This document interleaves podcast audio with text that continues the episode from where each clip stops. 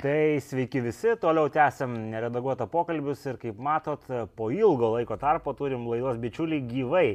Gyvai. E, Ne, ne per, žodžiu, nuotolį pavyko Raimond atsivežti į tolimą nuo sostinės miestą. Ir šiandien mes su juo padarysim Lenkijos apžvalgą mėnesinę. Tai sveiki, Raimond. Sveiki visi. Iš Nuo ko pradėsim? Tasme, pradėkim nuo kokio labai seksualaus dalyko, žodžiu, kad visi, žodžiu, iš karto suprastų tą svarbą e, mūsų didžiojo kaimyno. O, tai iš, iš tikrųjų svarba. E, pradėti tai norėčiau nuo to, kad man laikinoje sostinėje visada labai smagu yra lankytis. Va, išdavė, išdavė, kur filmuojam, gerai. E, tai tai ne, nežinojau, kad čia paslaptis. Nes čia buvo tokia pusiau. Aha, šiaip net ir automobiliu važinėti Kauno gatvėmis galima kaip žmogum pasijusti. Kodėl negalima pasakyti apie Vilnių? Dėl tam tikrų visiems gerai žinomų priežasčių. Dėl tam tikrų priežasčių. Tai šiais laikais buožės vaidmenį atlieka matomai automobilistai. E, Tai grįžkim gal prie Lenkijos. E, Iš tokių, e, na jau ne birželinių, liepinių dalykų, e, mažiau įdomus, nu, mažiau malonus gal dalykas, bet įdomus ir svarbus yra tas, kad Liepos ketvirtą dieną buvo situacija, kuomet Lenkijos elektros skirstomuose ti- tinkluose rezervas buvo lygiai 0 MW. Tai tas reiškia, kad dėl šiuo metu anglies trūkumo Lenkijoje gali e, prasidėti tam tikra energijos, elektros energijos e, krizė. E, O tas yra susiję, na, bendrai žinome, dėl to, kad apskritai yra dėl energetinių resursų krizės Europoje tam tikros. Dėl to, kad Lenkai neimportuoja anglių iš neteisingų šalių. Taip. Bet e, iš savo kasybos irgi neipatingai Lenkija gali daug gauti, nes e, tie jau, nors Lenkija turi labai didelius e, akmens anglės sluoksnius, bet jie yra giliai ir jie yra ekonomiškai, na, e, ganėti, ganėtinai. Brangu juos išgauti, ja? Taip, yra brangu juos išgauti ir dėl to dalis kasyklų yra likviduojama ir yra planuojama apskritai visą tą biznį uždaryti. Aišku, kaip bus dabar sunku pasakyti, nes vokiečiai atnaujino pas save akmens anglies gavybą. Ir, Žalioja energetika. Taip, žalioji energetika. Ir beje atnaujino e, energi, e, anglies elektrinių darbą. Ir šiuo metu užšaldė europinius limitus Anglijai. Tai vokiečiai savo gali tuos limitus leisti e, panaikinti. Nu, jie teigia, kad kuriam laikui, bet įsivaizduokim, kas būtų, jeigu e, taip europinius limitus imtų ir panaikintų savo Lietuva arba Lenkija arba dar kas nors. Koks būtų vajus. O kas ten žino, gal nebūtų hipotetiškai. Tai šiaip e, tas rodo tik e, tą, jog, e, na tikriausiai mūsų akise įvyksta galutinis e, vadinamos energija venda bankrotas. Energija venda tai buvo Vokietijos e, energetikos transformacija, būtent žalios energetikos link. Ta visa transformacija per pastaruosius 30 mečius kainavo virš 400 milijardų eurų. Ir jos pasiekmėje Vokietija dabar išmeta į atmosferą žymiai daugiau šiltnamio dujų negu prieš transformaciją. Nes Kaip taip galima paaiškinti? e, viena iš tos transformacijos gairių tai atominių elektrinių uždarimas. Mhm. Ir vokiečiai užsispyrė ant tiek uždaryti atominės elektrinės, kad jie netgi labiau dabar yra linkę paleisti iš naujo anglės elektrinės, bet atsisako stabdyti e, atominių elektrinių e, uždarinėjimo procesą. Iki šių metų pabaigos atrodo turi jau visus blokus uždaryti. Numatysim, kaip žiemą bus. Nu tai matysim, o žiemą gali būti visai neįdomu, nes e, na, vo- vokiečiai veikiausiai importuos dujas iš Lenkijos, bent dalinai. Mhm. E, ypatingai Maklemburgijos e, lendas Vokietijoje, e, kuris paradoksaliai buvo dujingiausias toks lendas, nes per jį ėjo kaip tik Nord Streamai. Mhm. E, Bet e, nors ir gaus veikiausiai dujas iš Lenkijos, tai maklemburgiečiai vis tiek sabotuoja Lenkų infrastruktūrinius projektus, nes šiuo metu e, kaip tik prie sienos su Vokietija yra miestas Švinauiščia. Tai yra virš, e, į šiaurę nuo Ščecino Mhm. irgi toks uostas ir ten yra kaip tik Lenkijos suskistintų dujų terminalas. E, ir yra taip pat planuojama dabar konteinerių e, uostą statyti. Tas uostas yra infrastruktūriškai labai svarbus visam vakarų Lenkijos ir kartu pietryčių Vokietijos regionui, nes tie konteineriai būtų gabenami per Oderį. Tai reiškia, kad Oderio upe nuo Vroclavo per Ščeciną ir taip toliau galėtų būti gabenami kroviniai e, upe, o ne keliais. Mhm. E, Lenkija šiaip ilgą laiką visiškai neužsiminėjo, e, kaip čia pasakyti, na, kontinentinių vandenų tran, mhm. transporto sritimi nors ir Oderis, ir Visla iki antro pasaulinio karo buvo labai intensyviai naudojamos tais tikslais. Mhm. Ir šiuo metu Lenkijoje yra didžiulė problema, kad e, daugmaž ta kryptimi rytų vakarų yra ganėtinai gerai komunikuota, nes ir keliai, ir geležinkeliai tai e, šiaur, šiaurės pietų kryptimi ir atvirkščiai ta komunikacija kiek šlubuoja. Nu, čia lygiai tas pats ir pas mus. Ir pas mus, o būtent upinis transportas e, labai tikrai e, krovinių transportavimą e, galėtų palengvinti. Nu, nes mhm. įsivaizduokim, galima arba leisti šimtą sunkvežimių, arba vieną laivą su konteineriais. Mhm. Tai, nu, skirtumas turbūt yra. Čia, aišku, upė upė nelygi, nevėžių nepaleisi. nu, nevėžių ne, bet... Na, bet Oderiu ar vis latai. Nu, nu, bet ir Nemunas tai, nėra prastas. E, tai, nu ir Maklemburgija žada, kad blokuos tą uostą ir e, organizuos ir ekologistų visokių protestus ten ir taip toliau. Nu, čia kitaip negu tiesiog prorusiškų sabotažų vadinti neišeina. Maklemburgijos lendas kaip Nord Streamo toks e, Platsdarmas. Platsdarmas, taip, tai e, jiegi netgi buvo sukūrę vadinamą ekologinį fondą, kuris turėjo e, padėti Nord Streamui apeiti sankcijas, kai Trumpas buvo antrą Nord Streamą sankcionavęs. Tai dabar pasirodė, kad to fondo visa dokumentacija kažkur dingo, o tai nebuvo šiaip savo kažkoks pri, privačių asmenų fondas, o fondas, kurį vietos vyriausybė sukūrė. Tarviko, jau kadangi pradėjai pasakoti apie upes, e, prisimenu, kad turim vieną klausimą, tiesą sakant, jisai nėra visiškai apie upę, bet jis yra apie, apie tą jau minėtą krovinių gabenimą. Ir vat, e, vienas iš Facebook'o sėkėjų klausė, mhm. kada bus atidarytas kanalas per Aismarių neriją ir kaip konkrečiai tai padės plėsti prie Aismarių įsikūrusiems, plėstis prie Aismarių įsikūrusiems miestams. Ir, žodžiu, gal yra žinoma, dėl ko konkrečiai protestuoja Lenkų ūkininkai kadangi aš visiškai nieko nežinau apie šitą klausimą, tai... E, ten, man atrodo, Lenkų ūkininkai toje vietoje neprotestuoja. Jeigu aš gerai suprantu, nes pirmą kartą girdžiu tą pavadinimą, tai mhm. Aistmarės tai tikriausiai Vyslos e, tą įlanką prie nu, Kaliningrado. Čia, čia matyt, kalbama apie kitą pusę, to, kas pas mus yra Kuršių Marios, jūsų pusė ten Lenkijos, jūsų didžiosios Lenkijos pusė, žodžiu, yra, kaip ten vadinasi, mes galim pasižiūrėti. E, nu, nu, tai jeigu mano mūsų, tai ten didžioji Lietuva tada gautųsi, kadangi, kadangi aš tik, gerai, tik vieną turiu pilietybę. Tai čia gerai, tai, čia, čia užskaitau. Taip, tai tas reikalas vadinasi, tuo aš tau pasakysiu, kaip jisai vadinasi. A, taip. Tai va, šitas reikalas, aš kaip suprantu, yra va kalba eina apie šitą gabalą. Aha, tai taip. Nes jisai yra, žodžiu, Taip. Diametraliai priešingoje pusėje negu kuršių nerija. E, taip, tai iš esmės planuojama, man atrodo, e, baigti ten šiais metais. Žinau, mhm. kad ten jau šiuo metu vyksta ir šliuzų testai e, to kanalo. Bet tai čia kas, čia Gdanskui nelabai, čia El ne, Elblangui, čia, žodžiu. Čia, čia Elblangui, nes mhm. Elblang, kadaise vokiškai Elbing vadinosi tas miestas, mhm. tai, tai irgi buvo uostamiestis. Bet kadangi išplaukimas... Jis yra karaliaučiaus srityje kontroliuojamas. Taip, tai ten įplaukimas į įlanką, mhm. jis yra Rusijos na, užimtame šiuo metu. Laikinai administruojamame. Nu, administruojame, taip, taip, dėja, Rusijos administruojamoje teritorijoje ir ten rusai blokuoja tus Lenkų laivus. O tiesą sakant, kaip, kaip vadinasi šita visa, šita visa Marios? Čia šitas pavadinimas? E, taip, tai vadinasi Zalė Višlenai, nu, tai Vislos Marios. Tai, Vislos Marios. Taip vadinasi, supratu. Vislos įlanka. Mhm.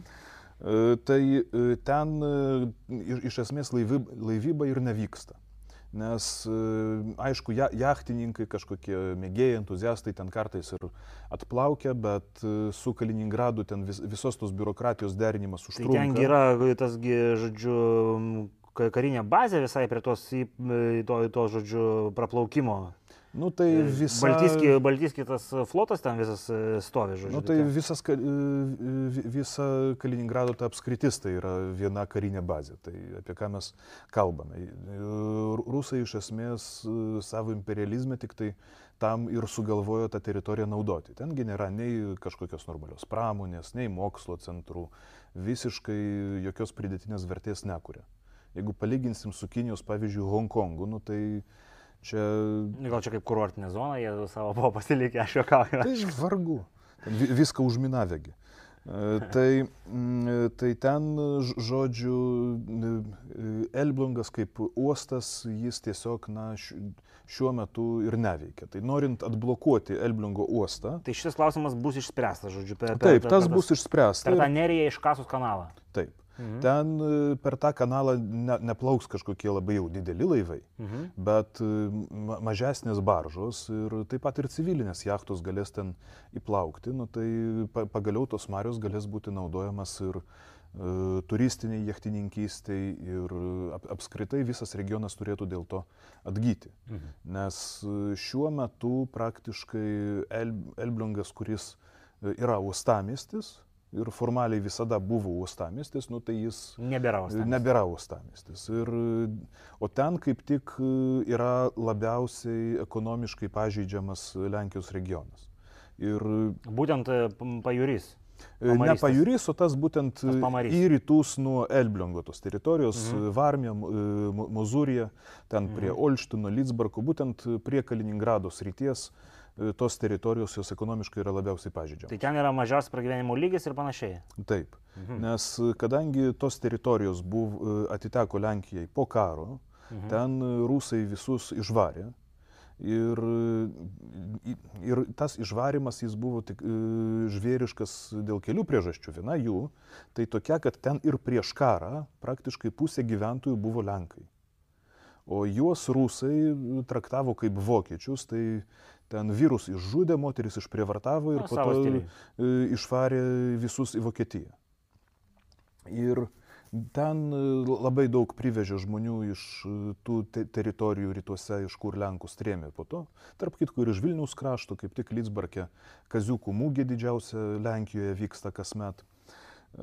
Ir ten tos teritorijos jos visos buvo kolukizuotos. Nes norint suprasti kaimo vietovių ypatumus Lenkijoje, reikia turėti omeny, kad Lenkijoje, toje teritorijoje, kuri ir prieš karą buvo Lenkija, ten neįvyko kolektivizacija daugumoje. Mhm. Ir ten uh, ūkini, uh, ūkininkai ganėtinai, nu, daug maž gerai uh, išliko po karo ir tą rusų okupacijos laikotarpį išgyveno ir dabar ten žemės ūkis yra visai gerai išsivystęs. O ten, kur buvo kolūkiai, nu, tai ten kaip ir pas mus e, vietovėse po kolūkių, kur buvo tik kolūkis, nu, tai nebeliko nieko. Ir ten yra ekonomiškai vat, didžiausias pažeidžiamumas. Ok, nu, vat, manau apie Marės e, atsakėm klausimą. O ten dar antra klausimo dalis. Atrodo. Dėl ūkininkų buvo, e, tiesme. Dėl ūkininkų. Gal yra žinoma, dėl ko konkrečiai protestuoja Lenkų ūkininkai. Tai nesuprasi, ar čia toj vietoje protestuoja, ar bendrai e, protestuoja? Ne toj, ne, tikrai ne toj, nes ten mhm. ūkininkai neturi dėl ko protestuoti. O, o šiaip, dėl ko ūkininkai Lenkijoje protestuoja? Šiaip Lenkijoje yra tok, ne, ne tiek ūkininkai protestuoja. Yra sukurtas toks politinis darinys Agro Unija Ir iš esmės tai jie ir yra, priklauso tai pačiai Hebrai, kuri protestuoja prieš vyriausybę. Nepriklausomai nuo to, ką ta vyriausybė daro. Mhm. Bet mm. jie tikrai neatstovauja visų ūkininkų, ten ganėtinai marginalus judėjimas yra tos agrounijos lyderis yra, mačiau, yra kai kurių ten žmonių kaltinamas prorusiškumu, ryšiais su Rusija, ant kiek tas yra pagrista, šiuo metu negaliu pasakyti. Primena kitos kaimininės valstybės agro, agro kolektyvą. Bet ten ta agrounija užgymė iš protestų prieš kailinių žvėrių auginimo draudimą. Nu ir ten kailininkai protestavo, ten po to dar kažkokia hebra, bet e, tai susidarė vat, tokia grupuotė, kuri protestuoja iš esmės prieš bet ką ir prieš viską. tiesiog prieš vyriausybę. Nu ir dabar jie su Senato maršalka ten susitikinėjo, žodžiu, su bet kuo, kas yra prieš vyriausybę, jie eina iš vien. Mhm. Aišku. Ir, o dėl ko dabar, dabar tuos protestus daro, nu, tai sunku pasakyti, nes Olandijoje, Italijoje tai ūkininkai ten turi dėl ko protestuoti ir ten jie turi savų priežasčių, bet Lenkijoje šiaip dabartinė vyriausybė tai su ūkininkais daugmaž gerai kaip ir sutarė.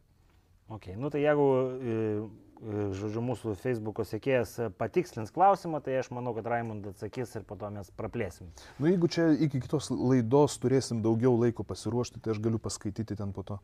Okay. Ap, apskritai gal... apie ūkininkus Lenkijoje laidą. Jo, apskritai galima kokį tokį Q&A padaryti į klausimus atsakinėti, jeigu ten bus... Tai mes ir šiandien dar duosim tau klausimų iš. Gerai, tvarkoj. E, tai iš esmės grįžtam tada prie mhm. Lenkijos energetikos ir santykių su Vokietija. E, mėgstamiausia Raimonda tema. nu, kaip mėgstamiausia, ganėtinai aktuali ir ganėtinai aktuali ir Lietuvai. Nes kadangi mūsų politinė klasė 30 metų orientavosi į Vokietiją kaip svarbiausią strateginį partnerį ir vokiečių kariuomenė uh, pas mus e, turėtų vadovauti NATO kontingentui ir sudaryti to kontingentų nu, didelę dalį. Ir vadovauja, bet... E, bet kažkaip to kontingento didinti nėra ypatingai linkę. Tai, ja. E, tai reikėtų šitą žinoti ir apskritai Lenkijos mainstreaminėje žiniasklaidoje apie tai irgi nėra daug labai kalbama. O Lietuvos žiniasklaidoje apskritai apie Vokietiją praktiškai nieko nėra kalbama. O manau, kad vertėtų. Tai E, Lenkija susitarė, susitarė dėl naftos, e, na, naftos pardavinėjimo prancūzams. Ir mhm. Lenkai tieks naftą prancūzams. Tai kaip jie keliaus e, tanklaiviais? Tanklaiviais veikiausiai su vokiečiais nesutarė. O dėl ko nesutarė? Nes vokiečiai turi didelę rafineriją netoli Lenkijos, Bavarijos lendė, tai yra Švet rafineriją. Mhm. Ir Lenkija atsisakė į tą rafineriją tiekti naftą dėl to, kad ta rafinerija priklauso Rosneftui. Mhm. Ir buvo sąlyga Lenkijos vyriausybės tiesiog viena sąlyga buvo iškelta, kad Vokietija privalo tą rafineriją nacionalizuoti. Ir vokiečiai išgirdė tokį žodį? ne, visiškai neišsigando, nes vokiečiai kaip tik dabar nacionalizavo dujų E, šituos dujų saugyklas, mhm. E, kurias anksčiau buvo atidavę Gazpromui. Ir Gazpromasgi dabar piktybiškai ištuštino visas tas saugyklas ir atsisako jas pildyti, nors pagal įstatymą jis turi pareigą tam tikrą saugyklų užpildymo lygį visą laiką palaikyti. Tai ir vokiečiai, ir austrai iš Gazpromo dabar tas saugyklas nacionalizavusi. Ir Gazpromą išspyrė. Mhm. Ir beje, Bavarijos vyriausybė, nes Vokietija yra federalinė valstybė, tai ten yra tų kraštų vyriausybės ir yra centrinė vyriausybė. Tai Bavarijos vyriausybė, federalinė vyriausybė rekomendavo irgi tą rafineriją nacionalizuoti. Bet federalai nenori su Rosneftu piktis. Ar tai gali būti susijęs su tuo, kad SPD dabar valdančiosios Vokietijos partijos korifėjus Gerardas Šrioderis yra Rosniefto valdyboje, valdybos narys.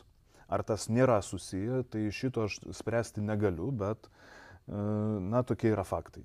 Ir kadangi vokiečiai nenori nacionalizuoti tos rafinerijos, tai Lenkija pasakė, kad Rosnieftui naftos netieks. Okay, aišku. Tai čia maždaug tiek apie, e, apie Energetika, ne? Energetika, taip. E, šiaip, kadangi kitą metą Lenkijoje vyks e, rinkimų maratonas, uh mhm. -huh. tai jau prasidėjo iš esmės rinkimų kampanija ir didžiausių dviejų partijų atstovai, pirmininkai, pradėjo važinėti po Lenkiją ir ten susitikinėti. Čia, kuris yra tas rinkėjais. kitas e, partijos pirmininkas, vienas yra Muravieckis, kaip suprantu? E, ne, Kačinskis. Ai, ai, Kačinskis yra pirmininkas. Taip. O jis ne, ai, teisingai, jis yra vicepremjeras jo. Taip. Ir okay. man atrodo, jis jau nebėra vicepremjeras, e, jis buvo vicepremjeras saugumo klausimams, mhm. bet žadėjo palikti postą ir perduoti ta, tas funkcijas gynybos ministrui Marijušui Blaščakui. Ar tas įvyko ar ne, aš šito nesiekiau. O tai kas tik kiti liberalai važinėja? O kiti tai su, piliečių su... platforma ir ten važinėja Donaldas Tuskas. Mhm. Tai e, Donaldas Tuskas e, žada žmonėms viską, ką jie nori išgirsti. E, tarp kitko žada įvesti keturių dienų darbo savaitę. Kad būtų jokingiau, tai tuo pačiu žada panaikinti laisvus sekmadienius. Nes Lenkija prieš šešis metus, panašiai kaip ir Vokietijoje nuo seno tas galioja, E, įstatymų įvedė e, prekybos draudimą sekmadieniais. Tai reiškia, kad parduotuvės sekmadieniais nedirba. Mhm. E, tas yra argumentuojama grinai taip pat kaip ir Vokietijoje, kad kai yra maža parduotuvėlė, kur savininkas pats ir dirba, ir yra koks nors supermarketas.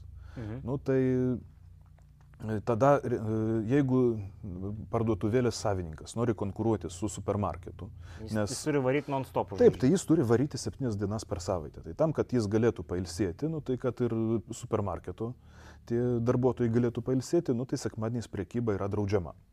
Ir tas e, galioja ir Austrijoje, ir Vokietijoje, pusė Europos iš esmės sekmadieniais. Bet, bet Lenkijoje jau galioja irgi? Ir Lenkijoje irgi. Kadangi ten e, kažkiek metų pereinamojo laikotarpio mhm. įvedė, tai yra dar taip vadinami prekybiniai sekmadieniai. Šiais metais tai atrodo kartą per mėnesį, vienas sekmadienis per mėnesį yra prekybinis. Mhm. Ir tas yra skelbiama ten Facebook'uose, spaudoje ir taip toliau e, marketai kviečia. Bet e, tuo pačiu parduotuvės, prekybos tinklai, aišku, pradėjo ir bandyti apeiti šitą. Tai E, kadangi buvo sudarytos tam tikros išlygos e, nuo tos taisyklės, kad pavyzdžiui, e, tos prekybos vietos, kurios teikia pašto paslaugas, gali būti sekmadieniais atidarytos. Nu, tai prekybos tinklai pradėjo teikti. Tapo paštais. Tapo paštais. Nu, tai šitą išlygą panaikino, bet ten yra kita išlyga, kad gali veikti sekmadieniais tie punktai, kurie teikia medicininės paslaugas. Nu, tai galima suprasti vaistinės. Na, nu, tai jau pradėjo galvoti, kad va, reikės į kiekvieną marketą kokį nors gydytoją ten darbinti, kad jis žmonės apžiūrinėtų ir taip toliau marketas galės dirbti.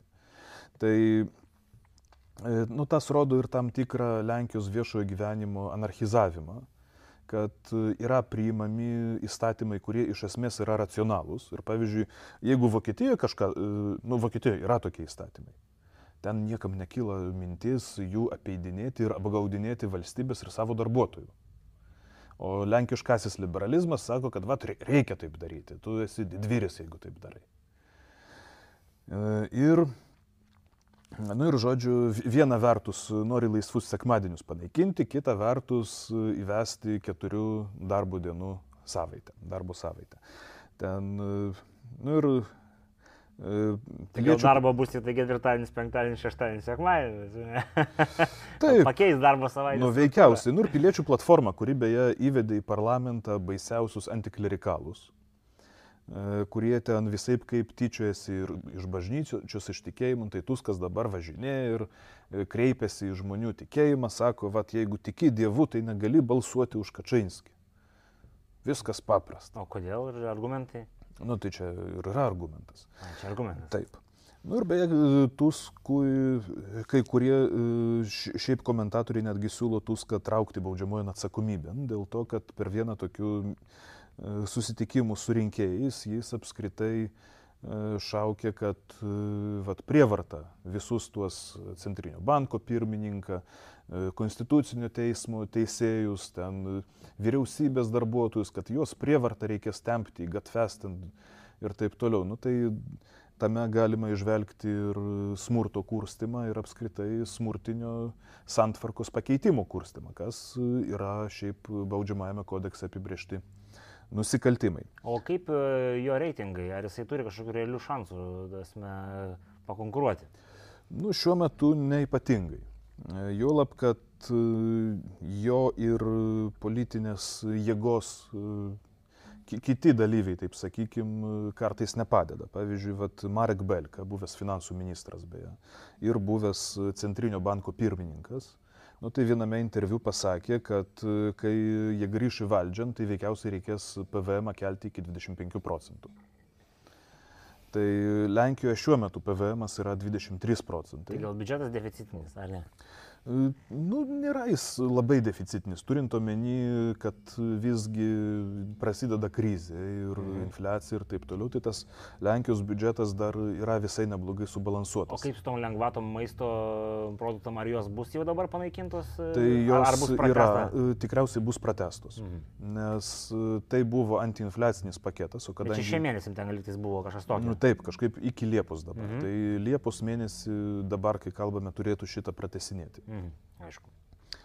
Tai dėl tų lengvatų nu, tai dalinai turės tą ir su Europos komisija derinti, nes e, PVM galima nu, sumažinti tik iki tam tikro lygio, o dalis e, visgi turi būti derinama. Tai e, šiaip per, per tuos susitikimus ten ir įdomių tokių dalykų buvo. Opozicinė spauda užsipolė Kačainskį dėl to, kaltindama, kad jis visiškai yra atitrūkęs nuo realybės, nes atseit pasakė, jog euras kainuoja 3 zlotus. Tai kas buvo Lenkijoje, tai žino, kad e, euras tai yra 4,5 maždaug zloto. Bet... Na, e, kada nors buvo euras 3 zlotai? Nebuvo. Tai esmė, kokia realybė, tai kokia e, realybė galėtų būti? Tai re realybė yra tokia, kad reikia Kačinskio tą paimti visą pasisakymą, ne tik vieną sakinį, nes jis kalbėjo apie valiutos perkamąją galę, lygindamas konkrečiai su Vokietija. Mhm. Ir lyginant produktų kainas, kiek kainuoja ten bilietas į kiną, pavyzdžiui, Varšuvoje ir Berlyne, mhm. tai tada tas ekvivalentas tikrai toks ir išeina, kad e, pagal e, perkamosios galios ekvivalentą, nu, tai Vokietijoje euras e, tai maždaug yra 3 Lenkijos zlotai. Mhm. Ir, ir jis tą kaip tik labai gerai išdėstė savo tame pasisakymė. Nu, bet... Ir tai mintis buvo pasakymo, kad e, euras Vokietijoje yra stipresnis negu Lenkijoje. E, ne. Atvirkščiai. Kad zloto perkamoji gale didėja A, ir kad mm. ji neatitinka to oficialaus kurso valiutų keitiklose. Mm. kuris yra nustatomas kitaip negu pagal valiutos perkamąją galę. Ta mes mm. ir, irgi kaip ir suprantam, bet na, spaudos media workeriai šito suprasti nenorėjo ir jie iš karto, kad, ai, Kačinskis durnas, čia nežino valiutų keitimo kurso. Mhm. Puikiai jis žino. Ir po vieno susitikimo su Kačinskiu ten buvo policijos pagazuotas, vien, dujomis papurkštas vienas protestuotojų. Pagazuotas. jo, tu ne, negalėjau žodžių prisiminti. Supratom, supratom. tai E, nu tai žodžiu iš karto irgi prasidėjo kaltinimai, kad policinė valstybė, kaip čia baisu, diktatorius, vat, e, policija siunčia prieš žmonės. Nu pažiūrėjau aš įrašą to e, žmogaus, kuris pats beje tas dujomis apipurkštas pats jis įrašinėjo.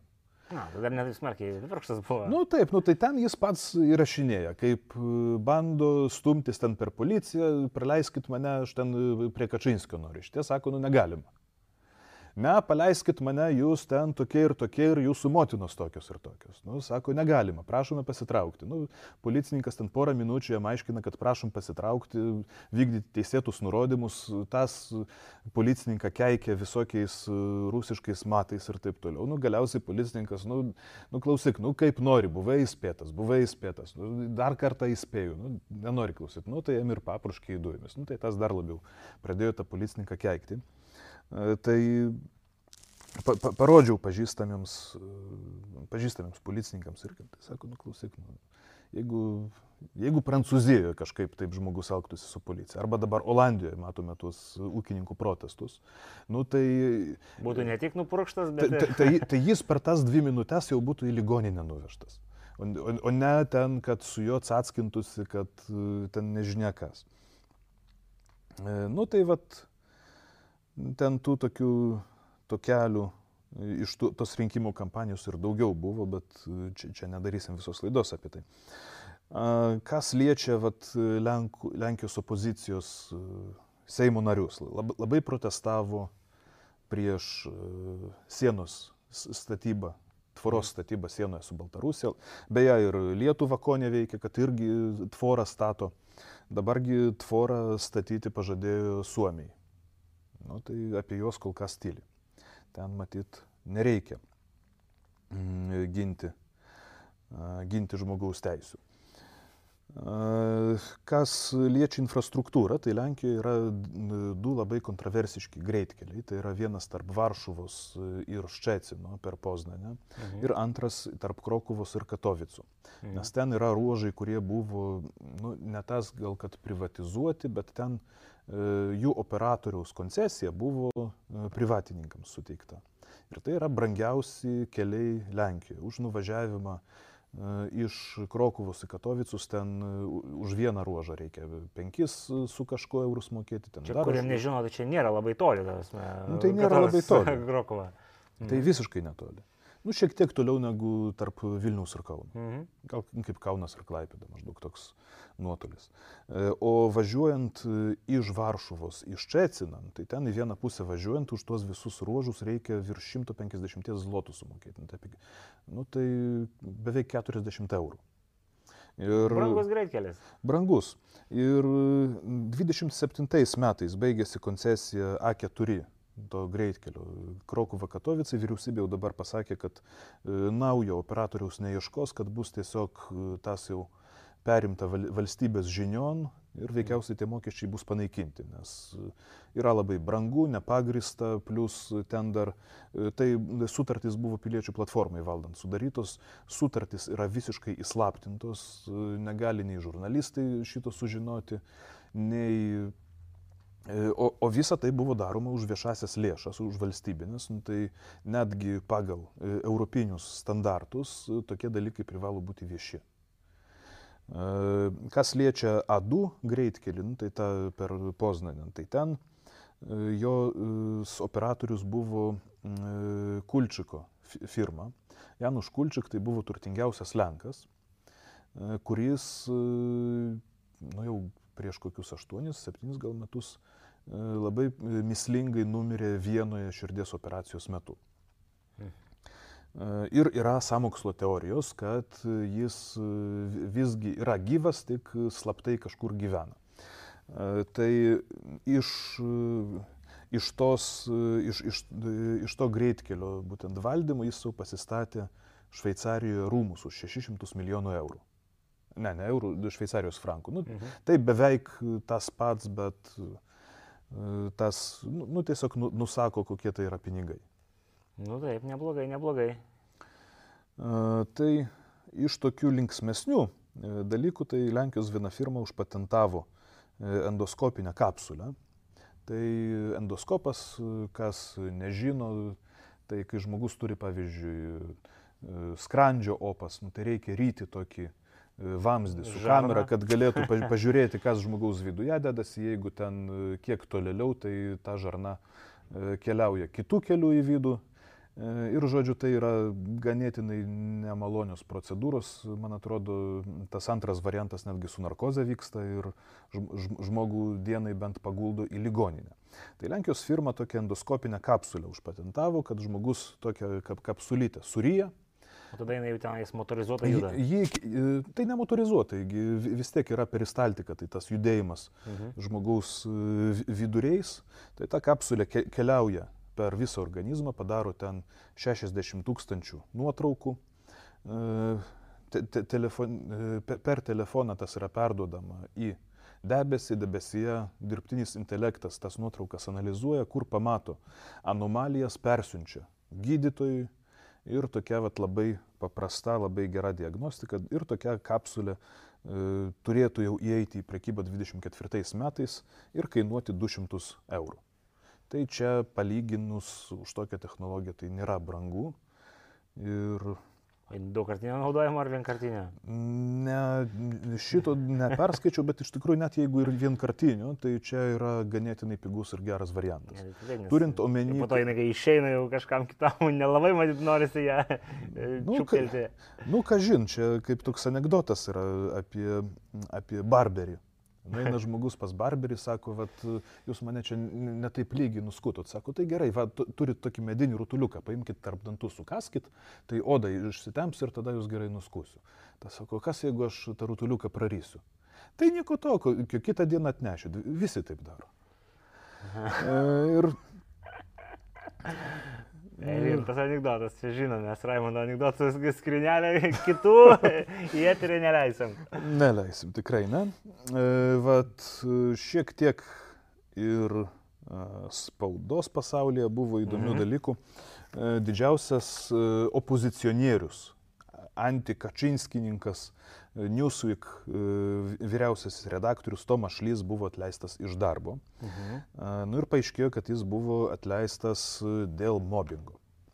Mhm. Tai kai kurie žmonės ne, nežino, kas yra mobbingas, nu, tai E, yra žmonių, kuriems atrodo, kad e, kai darbdavys yra reiklus ir reikalauti ją dirbti, tai yra mobbingas. Nu, ne iki galo. Jeigu jis reikalauja dirbti ir prie to dar labai keikėsi ir žemina žmogų ir visai kaip jį terrorizuoja, tada tai yra mobbingas. Nu, ir to užsiminėjo Tomaš Lys. E, ir jį išmetė po to, kai jis per laikraščio planavimą, savaitraščio, kas savaitinį planavimą ten komentavo, kaip Lenkijos prezidentas su, atrodo, Zelenskiu ten glebiščiavosi ar kažkas, nu ir jauna žurnalistė pačiupo ir jie ten ant jos visai kaip demonstravo, demonstravo. kaip ten čiupinėjasi.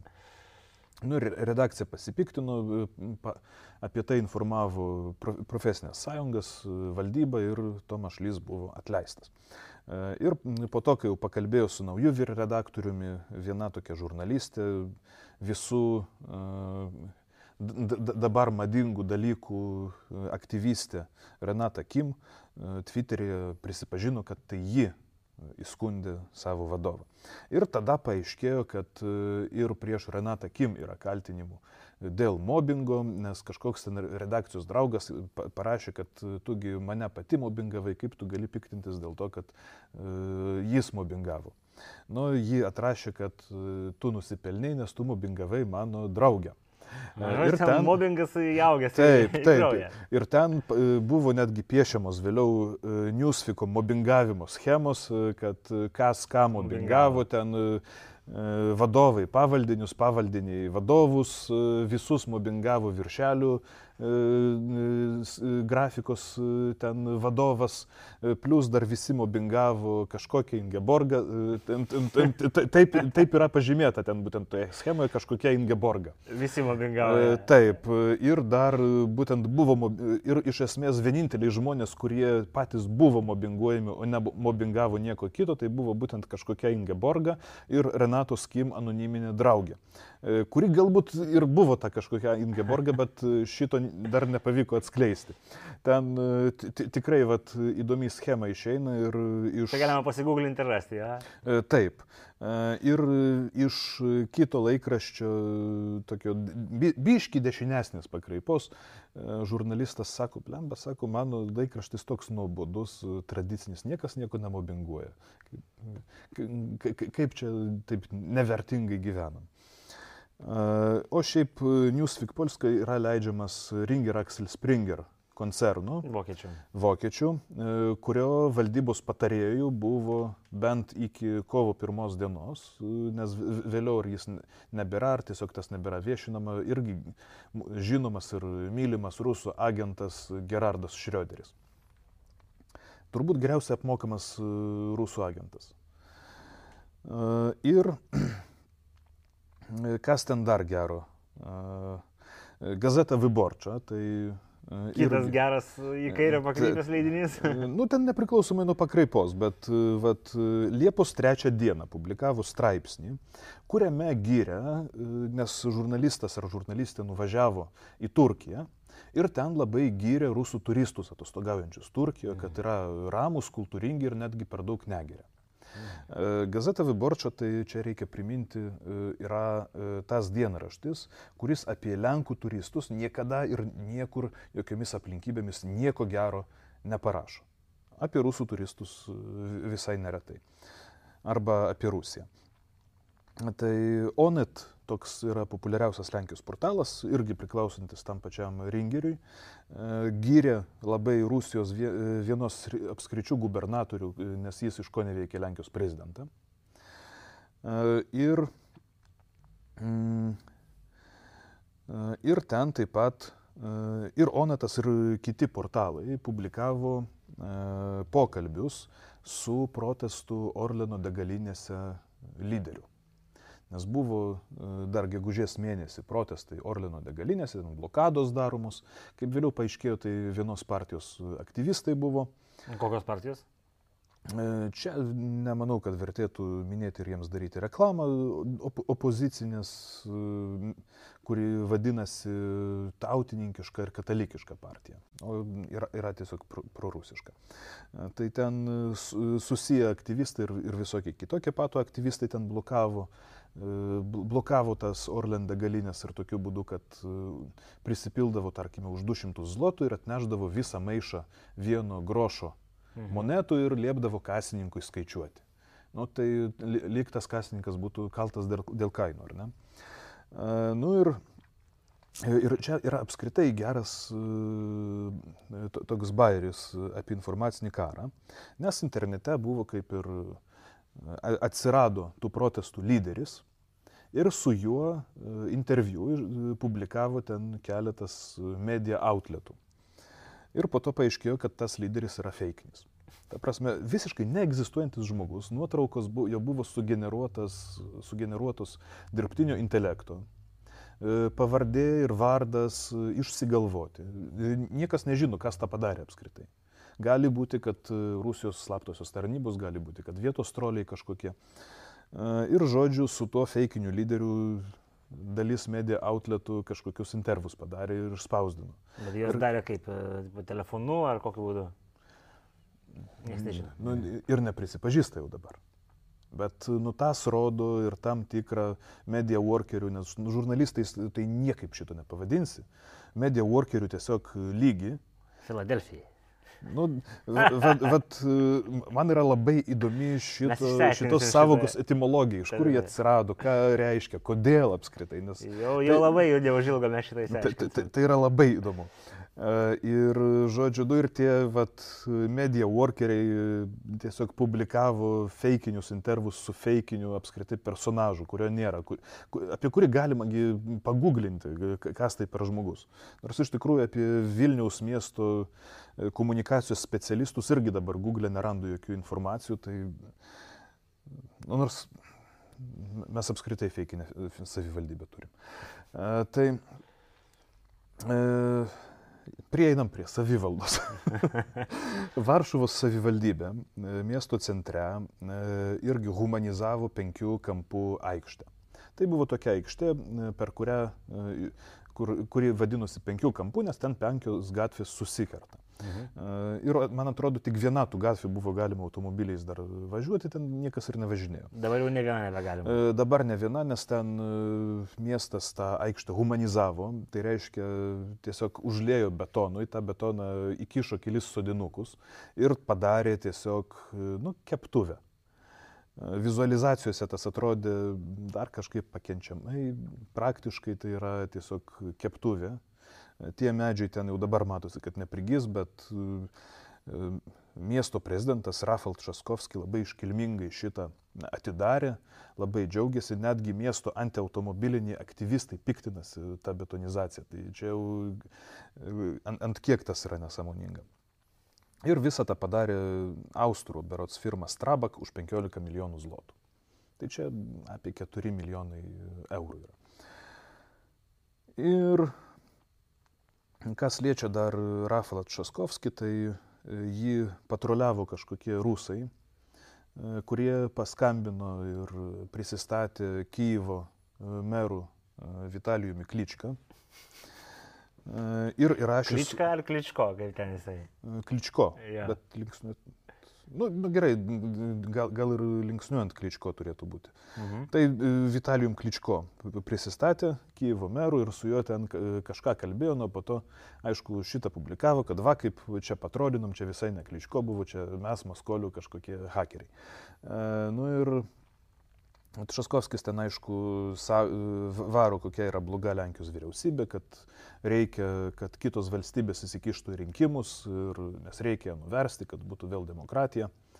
Tai nėra Lenkijoje demokratijos, pasak garbaus Nu, pa, miesto prezidento. Taip, šiaip susidariau su tokiu, teig, su tokiu pavadinimu, tokia savoka, kad vat, tie li- liberalai, kurie nori versti valdžią, tai yra ščiri demokratai. Tai pagal ščirus demokratus e, Lenkijoje nėra demokratijos dabar. E, Nu ir, e, bet dar apskritai įdomu, kad Časkovskis kalbėdamas su Kličko visiškai nesidomėjo nei Kyivų, nei, nei ar jiems padėti, ką nors reikia, nei kaip jiems sekasi ten per karą ir taip toliau. Nu, pa, Apie lab- savo bėdas. Ap, apie, apie save pasakojo, ten gyrėsi savo pasiekimais, kritikavo vyriausybę ir, na, va tiek. Mm, Ir, nu, ir čia iš esmės galima pereiti prie jau tok- tokios gal, galinės rubrikos. Taip, taip, taip, taip. Tai galbūt tą galinę rubriką paliekam. Na nu, gerai, arba Ai, nu, pabaigiam, pabaigiam ir tada, žodžiu, duosim dar keletą klausimų, nes mūsų žiūrovai yra labai tokie susidomėję, žodžiu, keliais klausimais. Tai aš manau, kad jas reikia atsakyti. Jo, tai iš esmės, e, Leftistų rubrika. nu, ne leftisto, gal pavadinkim kaip nors neutraliau, taip, nes iš dešinės čia irgi šiek tiek e, yra mm, tokių, kaip čia pavadinti. Nu, Tai ekstremistų rubrika gausis. Nu, ne, eks- nu, bendrai. E, šiaip vat, e, opozicija Lenkijoje į Seimą pateikė mm, e, e, aborcionistinio įstatymo projektą, kuris, aišku, nepraėjo, Mhm. bet, kad būtų įdomiau, tai jame yra vartojama savoka asmuo esantis neščias. Nu, čia dabargi normalu. E, Taip, nu ir ten e, skaitė to įstatymo projektą, la- labai jau tas daug laiko trūko, labai nepatogu. Nu, ir e, klausiau, ar, ar negalima šito asmens kažkaip trumpiau pavadinti. Ir koks buvo paaiškinimas? Negalima. Nu, negalima, nes žodis moteris akivaizdžiai tapo įžeidus. Kažkodėl. E, Įvyko, čia už vakar berots, įvyko kova. Nes Lenkijoje yra visokios MMA ten kovos menų federacijos ir vienoje tų federacijų kaunasi jau čia pas mus nekartą minėtas Jaš Kapelė. Tai yra mm, e, to, toks leftistas poetas, narkomanas. E, Jis pats save taip e, ten ap- aprašinėjo, tai aš čia nesiginčiu. Ir čia jau buvo jo jau antra ar trečia kova. Pirmą jis laimėjo, kovojo su tokiu Žemovit Pest Kosakovski. Tai de dešinysis toks veikėjas, irgi kūdas, irgi vis visokių ten e, patologiškų elgesių, elgesio normų e, propaguotojas, e, na- narcizas ir taip toliau. Nu, tai vienas narcizas su kitu kovėsi, ten Kosakovskis sakė, aš tai e, iš keiktųjų kareivių, čia mūsų partizanų ir ten antikomunistinio pogrindžio vardan tave su- sutriuškinsiu. Šitas, e, nu, šitas jį sudubasino, po to aiškino, nes na, aš tas, tuos mėnesius iki kovos treniravausi, o Anas gėrė, kas buvo tiesa. E, Nu ir vėliau Jaš kapelė taip jau Jaš tai yra toks mažybinė forma nuo Jan. Mhm. Tai čia būtų Jonelis, Mhm. Jaša. Žodžiu, tai, tai, taip jau įsismarkavo laimėjęs tą kovą, kad pradėjo kviesti į dviko- dvikovą Ramzaną Kadyrovą. Aha. Nu, bet jis neatvyko. Tai, tai, tai dabar jis su kažkokiu re- reperiu ten mušėsi ir buvo nokautuotas. Va tai da. E, Keliose vietose atsirado Lenkijoje tokia kepikla e, Dikerui. Dikeriai. Taip, kuri e, gamina e, genitalijų formų ten visokius kepinius Aha. ir sako, kad tai yra nekasdienių formų e, gaminiai. Ne, nekasdienės formos tikriausiai žmonėms, kurie neturi, bet ok. Nu ir ten jau pra- pradėjo visokie aktyvistai, mm, žodžiu, reikštis, kad e, jie yra la- labai, e, kad labai didžiuojasi tuo, kad gali savo vaikučius nuvesti ten į tą kepiklą. Mhm. Ir čia sunku pakomentuoti. E, Dar Seimo narys, irgi aktyvistas, e, kuris e, yra įsiamžinęs filmukuose, kaip bando kirsti sieną su Baltarusija, neždamas Ikėjos krepšį ten migrantams e, su picomis, be, be, berots ar ką jis ten nešė. Ir e, sprūko nuo pasieniečių. Franak Starčevski. Franak tai irgi yra mažybinė forma nuo Francišek, Pranciškus. Mhm. Tai Franek nu, tai reikštų pranelis. Pradovas. Taip, Lenkijos kairioje scenos pusėje yra tokia tendencija vadintis mažybinėmis vardų formomis. Nu ir yra vat, beveik 40 metis Seimo narys Franek Starčevski, kuriam tai yra pirmas, na, Seimo nario, tai, tai yra pirmas jo toks pastovus rimtas darbas gyvenime, kai kandidatavo ir pajamų ir turto deklaraciją pateikė, tai turto neturi, pajamų neturi, tapo Seimo nariu. Tai buvo policijos sugautas girtas važiuodamas dviračiu. No. Bet blaivumą tikrintis atsisakė, parodydamas Seimo nario pažymėjimą ir sakydamas, kad aš turiu imunitetą.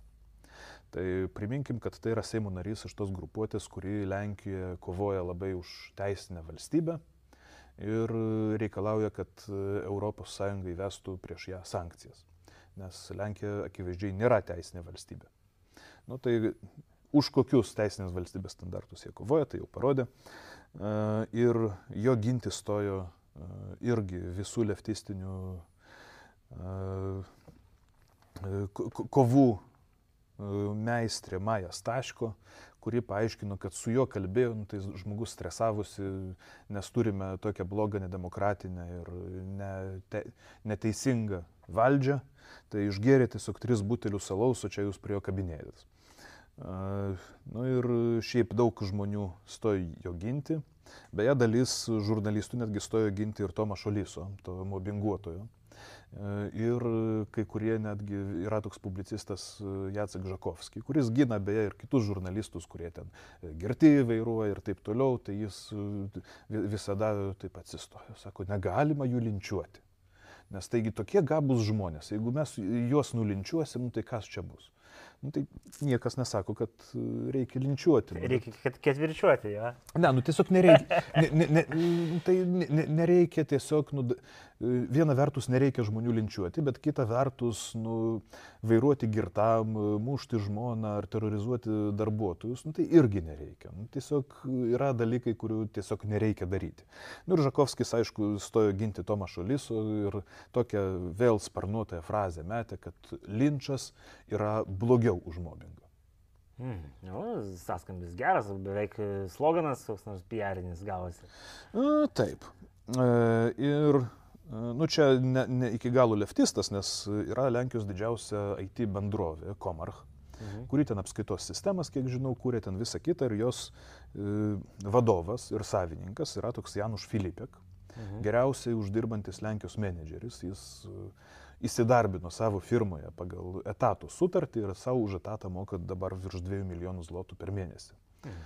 Ir kadaise jis su gazeta Viborčia labai tokį įdomų interviu turėjo, kur jo gazetos Viborčios žurnalistas, toks socialistas, ščyras, klausiau, jūs žinot, kokios yra visuomeninės pasiekmes to, kad jūs tiek daug uždirbat. Sako, nu kokios tai žmonės nebenori dirbti, nes jie mato, kad jūs tiek daug uždirbat ir supranta, kad jie tiek neuždirbs ir jiems yra dėl to liūdna. Tai čia daug uždirbti yra nemoralu pagal gazetą Viborčio. Bet e, nu, Januš Filipekis yra ganėtinai tokia įdomi asmenybė, nes mėgsta e, irgi ten būna kaltinamas, kad išnaudoja darbuotojus. Yra tokios sparnuotos frazės autorius, kad nėra jokio to, jokios užduoties mano firmoje, kurios negalėtų atlikti pakankamai didelis studentų skaičius. Tai labai konstruktyvus požiūris. Taip, stažuotojų. Mhm. Nu, ir dabar jis irgi ten e, e, po, pokalbėje su viena spaudos priemonė pradėjo aiškinti, kad e, dėl klimato kaitos yra kalti nepasiturintys žmonės. Mhm. Nes sako, aš tai savo ten pardu, vietos parduotuvėlėje matau, kiek jie daug mėsos perka. Tai reikia kažkaip priversti tuos skurdžius žmonės, kad jie šitiek neėstų tos mėsos. Nes mėsos gamyba būtent prisideda labiausiai prie klimato kaitos.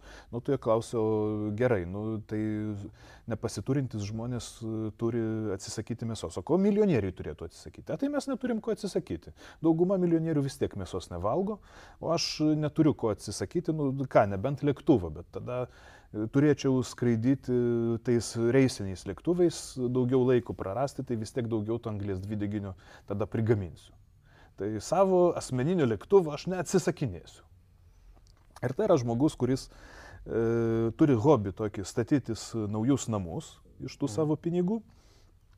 Ir kartą tame interve ten irgi e, prieš kažkiek ten metų jo klausiant, o jūs Rolls Royce turite? Taip, turiu, bet stovi daugiausia garažė aš juo nevažinėjau. O kodėl? Nes man užtenka tiesiog žinoti, kad turiu. Nes kai važiuoju ten dėrėtis su kokiu nors e, Arabijos šeichu ir jis man rodo savo Rolls Royce, tai aš nesijaučiu už jį blogesnis, nes žinau, kad irgi turiu.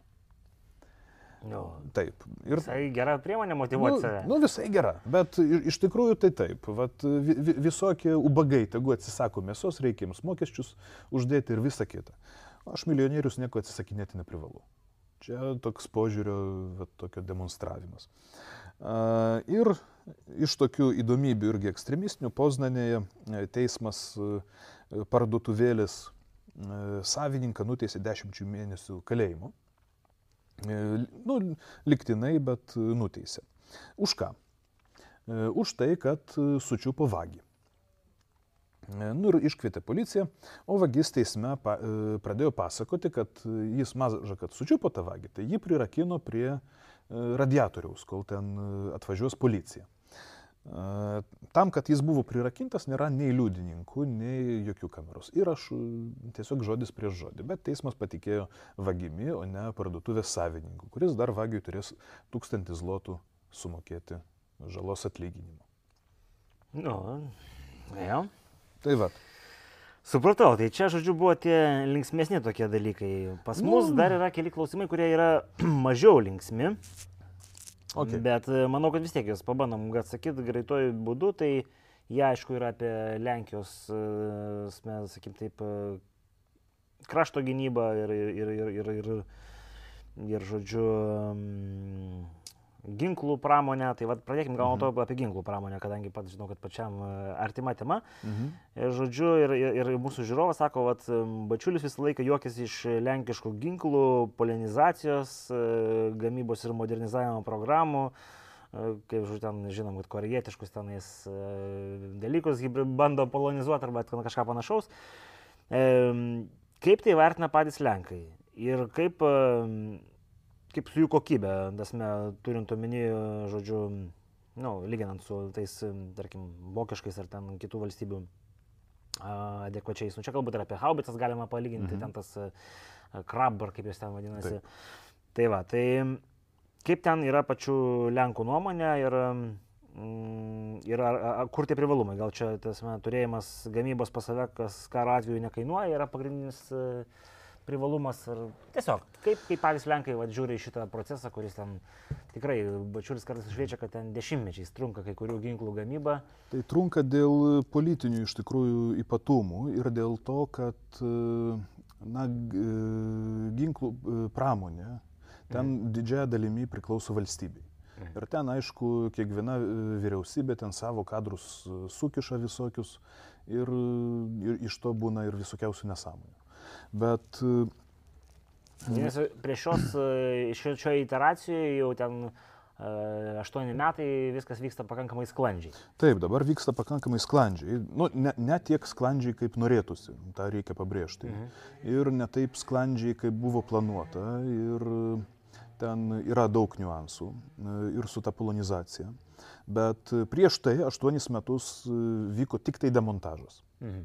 Tai dėl to vat, ir trunka deš, dešimtmečiais, nes e, viena valdžia nori, turėti, nori, kad Lenkija turėtų savo karo pramonę. Karo pramonę kita Hebra visiškai neturi ir tą demontuoja, nes kam mums reikia, jeigu galime pirkti iš vokiečių. Čia ta kita Hebra, tai piliečių platforma ir, Taip. žodžiu, ir kompanija. Taip, ir pavyzdžiui, dėl haubicų krap, nu, tai irgi aštuonis metus e, visas, e, visas procesas buvo užšaldytas. Dabar, kiek tos haubicos pasiteisė, nu, tai galima pažiūrėti Ukrainoje, kur bent kiek mačiau, tai ukrainiečiai yra jomis visai patenkinti. Tai tikrai nėra prastesnis gaminys negu Panzerhaubica 2000, Mhm. kurias beje Lietuva turi nusipirkusi. Ir šiaip netgi, man atrodo, šūvio nuotolį potencialų turi didesnį. Tai dėl tos polonizacijos tai ne visada pavyksta ir techniškai. Dėl, ir dėl kadrų tikriausiai trūkumo, ir dėl gamybinių, ga- ga- gamybinių pajėgumų trūkumo, bet čia- čia šitą reikėtų analizuoti. Nes pavyzdžiui, krabą e, pirmiausia buvo bandyta sukurti ant lenkiškos važiuoklės ir ten su lenkišku varikliu, Mhm. bet tas nepavyko ir galiausiai, man atrodo, pagal licenciją nupirko iš Samsungo. Mhm. Tai tų korejietiškų kaip tik projektų polonizavime yra jau tam tikros patirties. O dėl ko Lenkija taip užsispiria polonizuoti visą tą techniką ir turėti savo karo pramonę? Nu, tai matome dabar puikiausiai karo e, Rusijos užpultoje Ukrainoje e, progą. Kaip, kaip vyksta tiekimas ir Kaip, kaip, nu, taip, kaip vyksta tiekimas. Vokiečiai vat, kaip tik šiomis dienomis e, nutarė nebesiųsti ukrainiečiams 200 transporterių šarvuočių.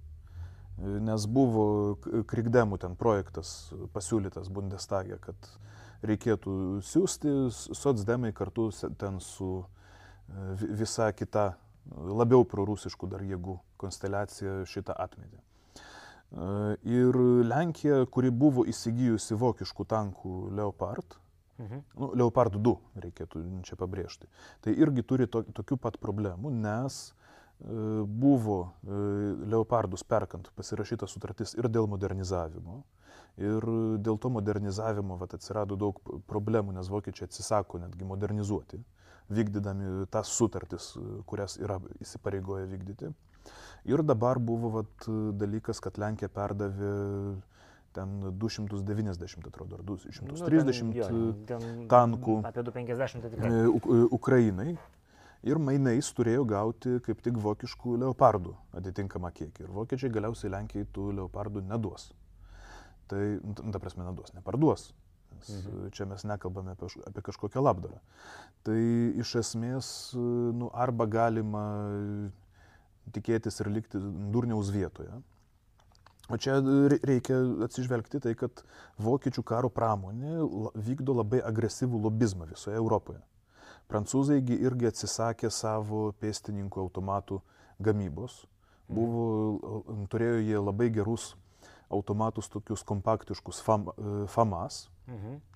Nu tai dabar vokiškus Heckler Kochus perka.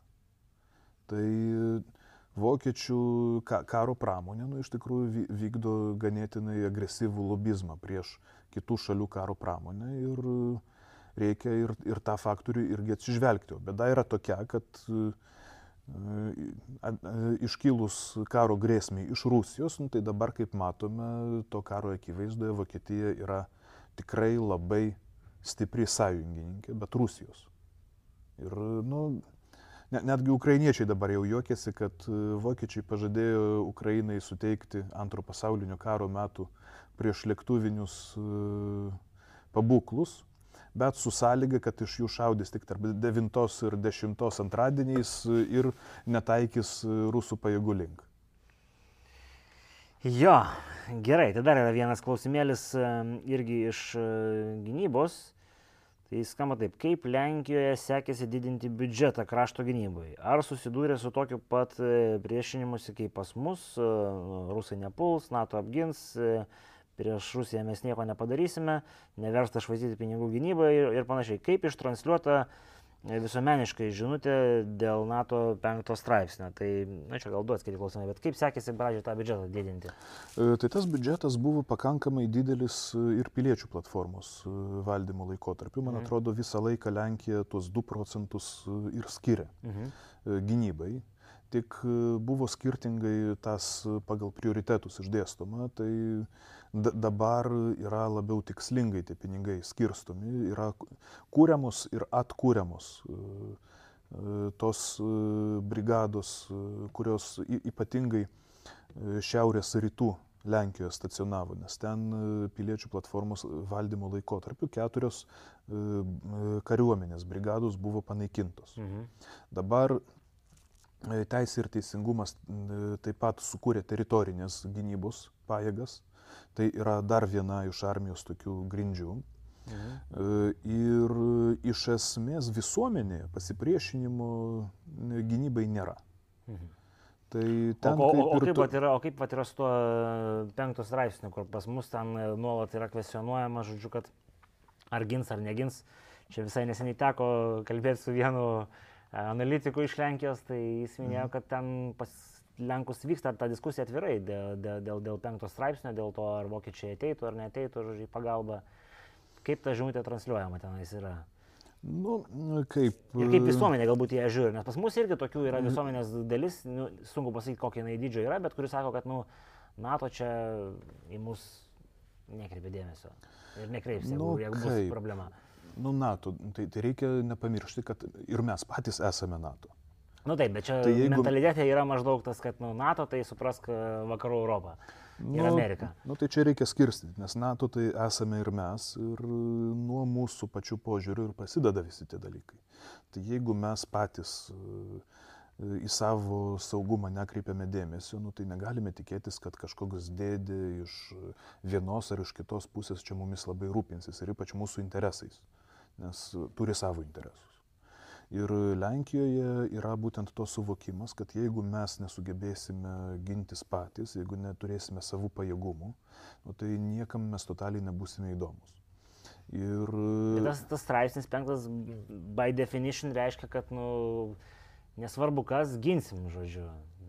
Taip. Sąjungininkas įpareigojimas.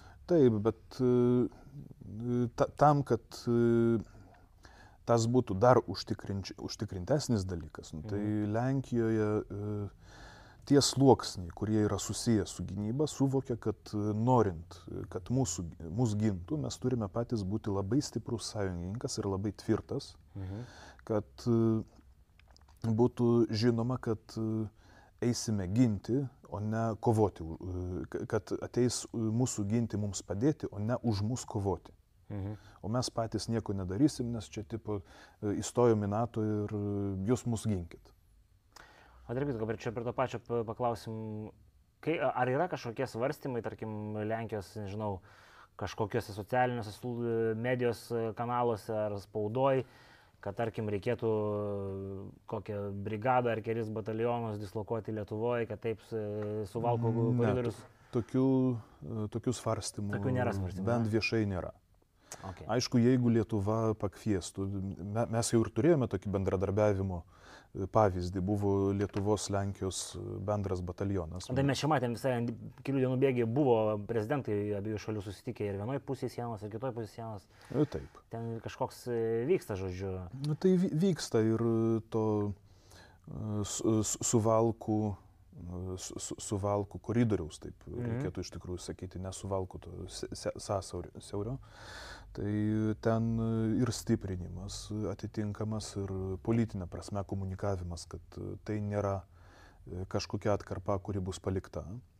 Bet taip va grįžtant, tai turėjome mes tą Lietuvos Lenkijos bendrą batalioną, kuris mano nuomonė visiškai buvo mm, bereikalo panaikintas ir yra užmirštamas.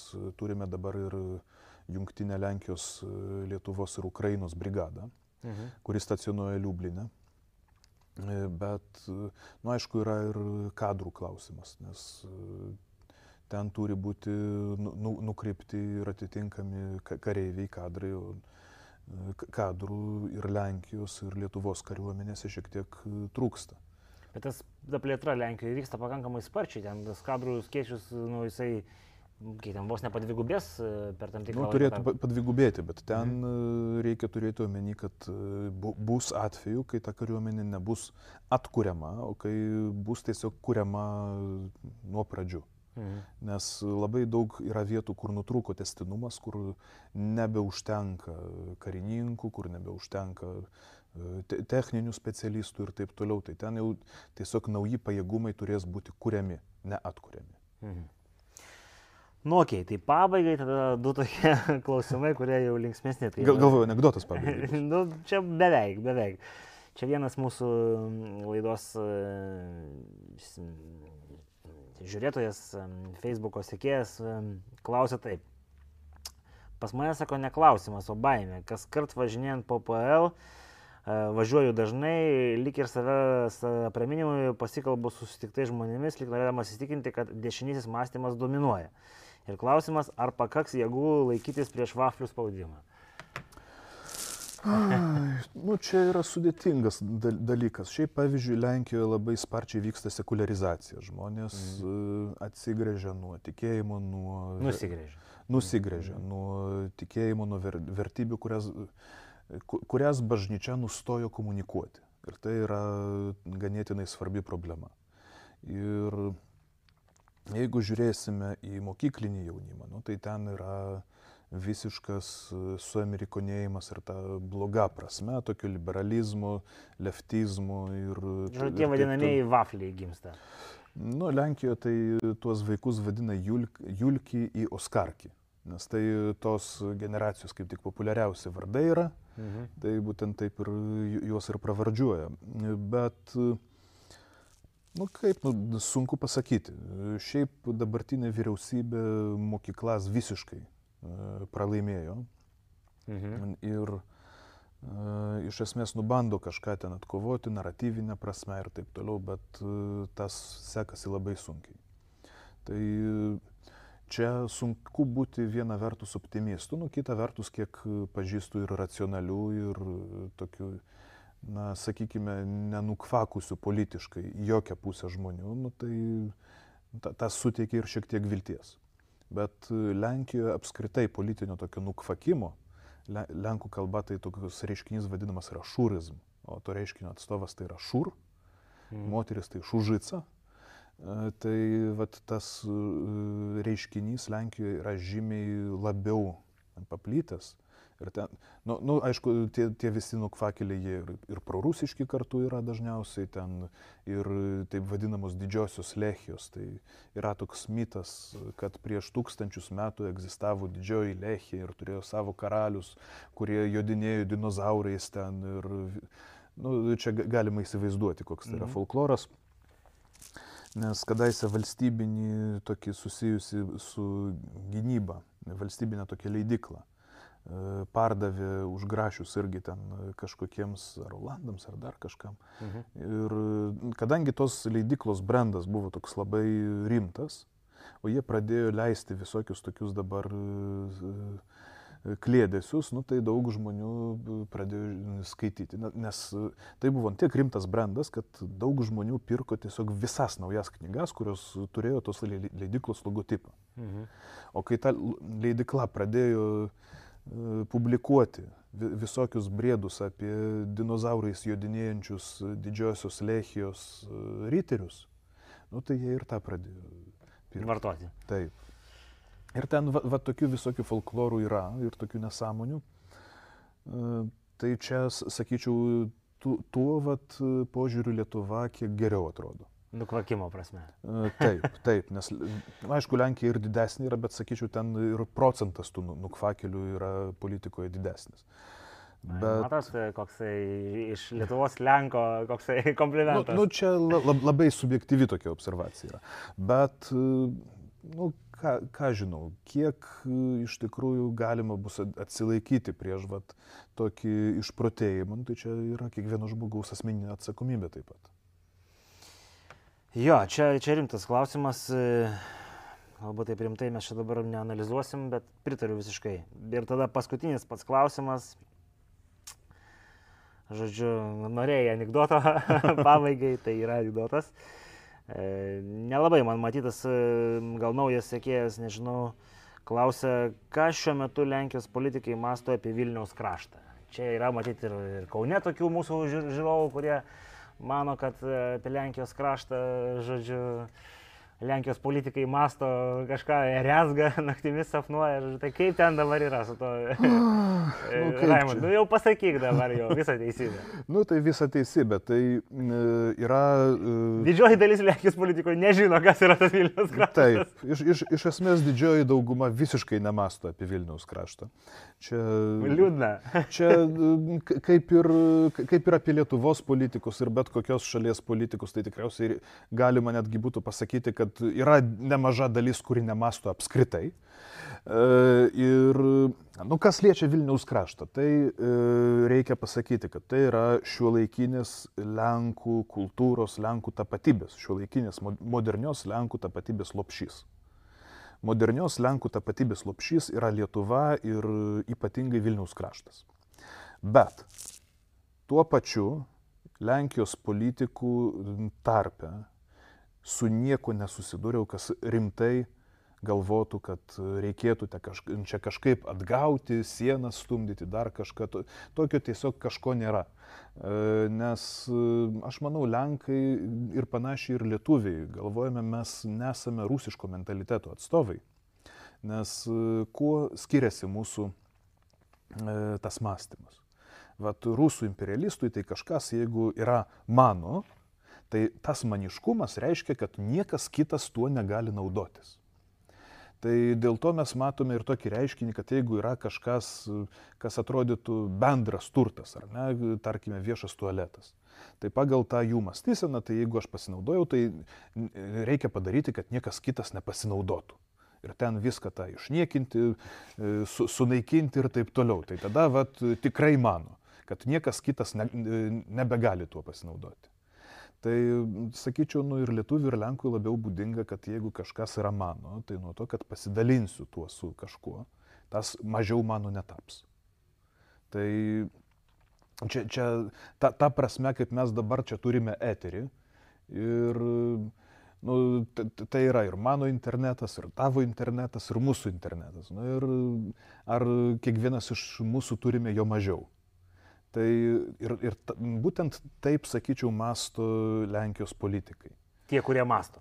Taip, kad tas, kad Vilnius yra e, Lietuvos sienų ribose ir kad Vilnius yra Lietuvos sostinė, visiškai nepaneigia jo istorijos, jo kultūrinės reikšmės Lenkijai ir visiškai tam neprieštarauja.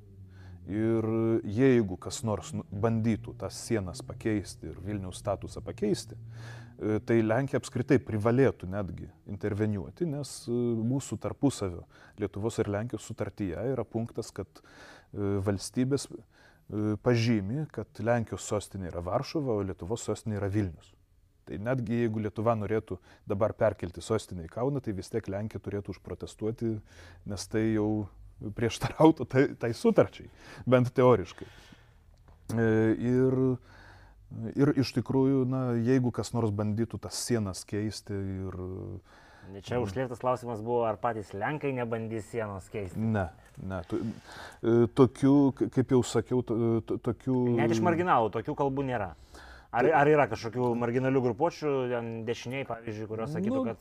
Kad, kad... kad kas nors programiškai taip mąstytų, tai ne. Nu, marginalai kokie nors, kur nors, tai, tai tikriausiai atsirastų, kurie ten pasakytų, nu, taip pat kaip ir Lietuvoje tikriausiai atsirastų kokie marginalai, kurie sakytų, kad va, Minską reikia prie mūsų prijungti, nes čiagi buvo kadaise Lietuva ar dar kažkas.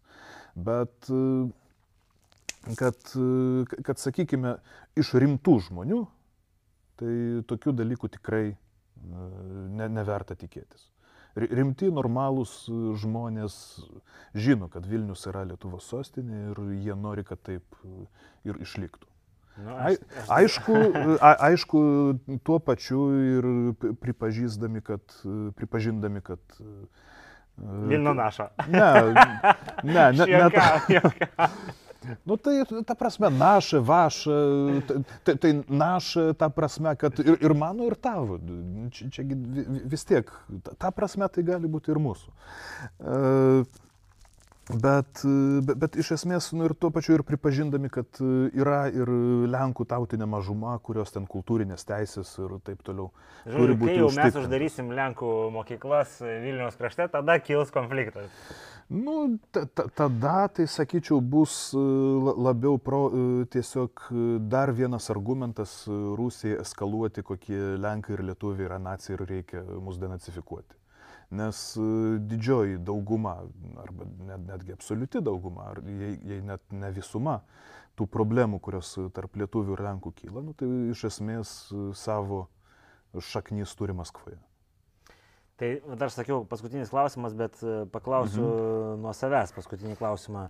Ar yra Lenkijos spaudoje ar kažkur kitur medijose diskutuojama, ką reikės daryti su karaliaučiaus kraštu?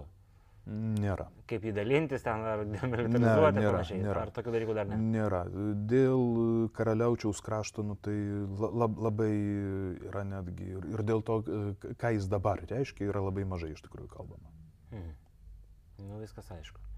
Gerai, Raimond. Tai ką, tai dėkui už skirtą laiką. Tai dėkui. Dė, dėkui visiems, kurie žiūrėjot. Jeigu dar bus kažkokių klausimų, galite rašyti tiesiai Raimond. Kažkada jau sakiau, kad jį lengviau pasiekti per Instagramą. Bet, kas, neturi, kas, yra, kas tai... neturi jo telefono. O šitągi, nu, aišku, jisai galim mes padėti, jeigu reikės. E, tai va, o sekantį kartą, manau, gal padarysim kažkokią teminę laidą, jeigu, jeigu bus kažkokių idėjų, tai rašykit idėjas e, ir mes, žodžiu, stengsime įsigyveninti. Tai ką, iki kitų kartų. Būkit sveiki.